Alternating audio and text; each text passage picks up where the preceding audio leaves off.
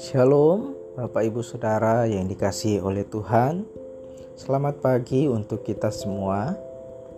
Kita bersyukur boleh ada sampai saat ini dengan kekuatan dan anugerahnya yang dilimpahkan untuk kita. Sebelum kita memulai setiap aktivitas kita sepanjang hari ini, alangkah baiknya jika terlebih dahulu kita datang mencari Dia dengan mendengarkan firman-Nya yang kudus. Hari ini kita akan mendengarkan renungan firman Tuhan yang diambil dari pasal Yesaya pasal yang ke-30. Namun sebelum itu Bapak Ibu, mari kita berdoa. Bapa dalam kerajaan sorga kami mengucap syukur untuk anugerahmu yang luar biasa dalam kehidupan kami.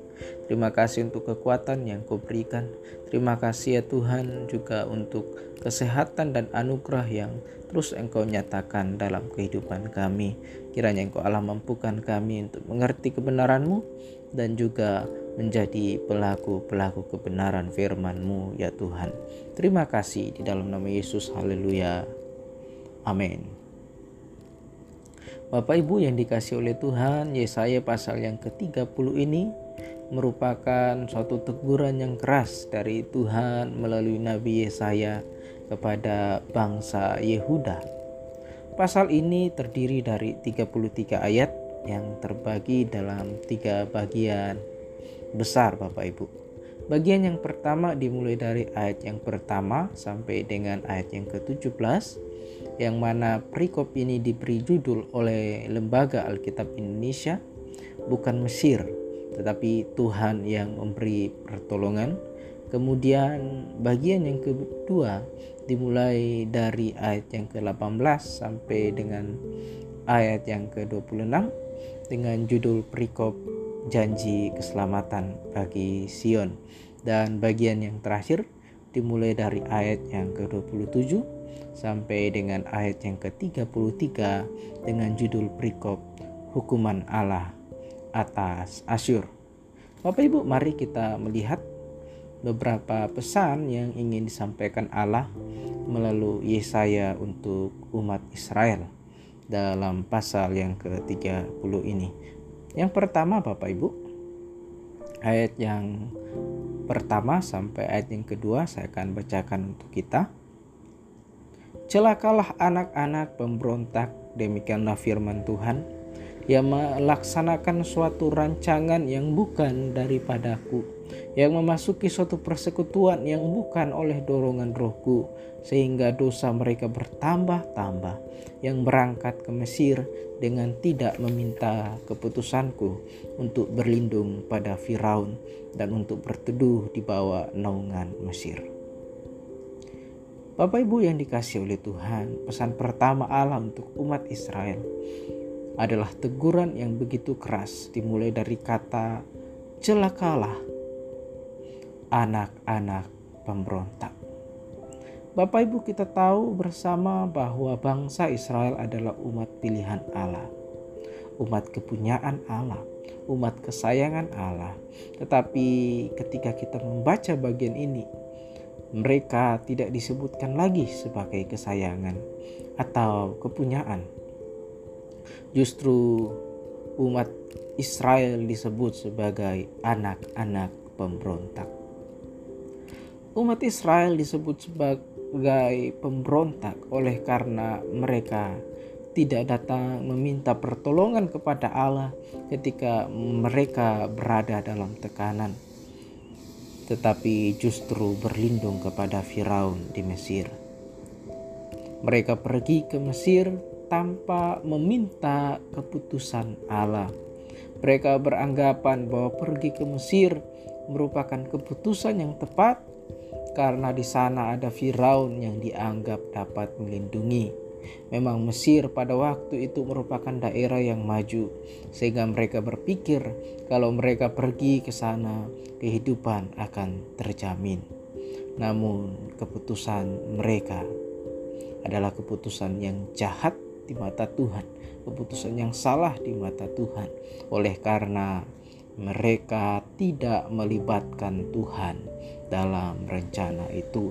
Mereka tidak meminta petunjuk terlebih dahulu kepada Tuhan. Mereka mengambil keputusan berdasarkan apa yang mereka pikirkan sendiri. Bapak Ibu yang dikasih oleh Tuhan, Tuhan membenci orang-orang yang menaruh kepercayaannya kepada manusia seperti yang terdapat dalam Yeremia pasal 17 ayat yang kelima. Beginilah firman Tuhan. Terkutuklah orang yang mengandalkan manusia, yang mengandalkan kekuatannya sendiri dan yang hatinya menjauh daripada Tuhan. Bangsa Israel seharusnya menaruh harapan dan perlindungan hanya kepada Tuhan dan mendekat kepadanya, bukan kepada manusia atau negeri mana pun. Bapak Ibu yang dikasih oleh Tuhan di dalam kehidupan kita juga sering kali kita diperhadapkan dengan keputusan-keputusan yang harus dibuat dengan cepat. Pastinya keputusan itu perlu dipikirkan dan dibandingkan dengan keputusan yang lain. Bagaimana kalau kita mengambil keputusan yang ini? Bagaimana dengan yang ini? Tetapi kebenaran dari firman Tuhan ini mengingatkan kita, sebagus apa pun rencana yang kita buat, jika kita hanya memakai logika kita atau berdasarkan pengalaman kita tanpa melibatkan Tuhan, semuanya itu akan sia-sia. Nah, Bapak Ibu, jika saat ini kita hendak mempertimbangkan sesuatu, Jangan terburu-buru mengambil keputusan. Pastikan kita mencari kehendak Tuhan dan keputusannya yang dapat kita lihat di dalam firman-Nya yang hidup atau mungkin dalam setiap keadaan-keadaan kita atau melalui orang-orang yang di sekitar kita. Karena itu mintalah hikmat kepada Tuhan agar Tuhan yang menolong kita sehingga keputusan yang kita ambil bukanlah keputusan yang salah, bukan keputusan yang keliru, melainkan keputusan yang menyenangkan dan sesuai dengan kehendak Tuhan. Amin, Bapak Ibu. Lalu yang kedua, di dalam ayat yang ke-8 sampai ayat yang ke-11 saya akan bacakan untuk kita.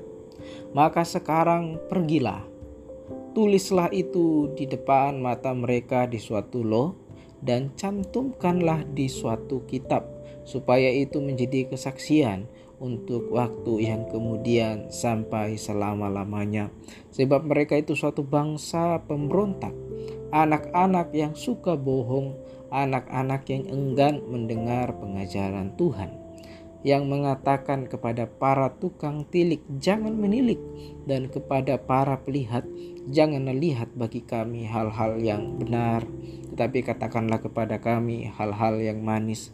Lihatlah bagi kami hal-hal yang semu."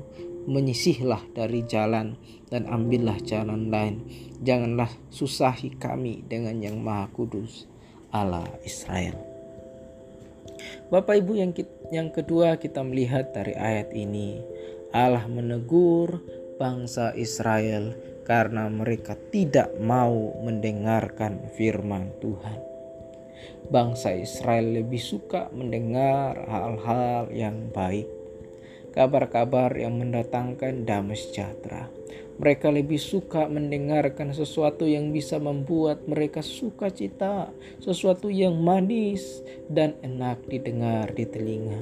Mereka mau mendengarkan firman, asalkan firman itu adalah sesuatu yang baik dan bukan berbicara mengenai penghukuman. Mereka menolak untuk dikoreksi firman Tuhan. Itu artinya sama halnya mereka menolak Tuhan. Itu sebabnya mereka disebut sebagai bangsa yang memberontak. Anak-anak yang suka bohong, anak-anak yang enggan mendengarkan akan pengajaran Tuhan. Bapak Ibu, kebenaran ini juga datang kepada kita saat ini.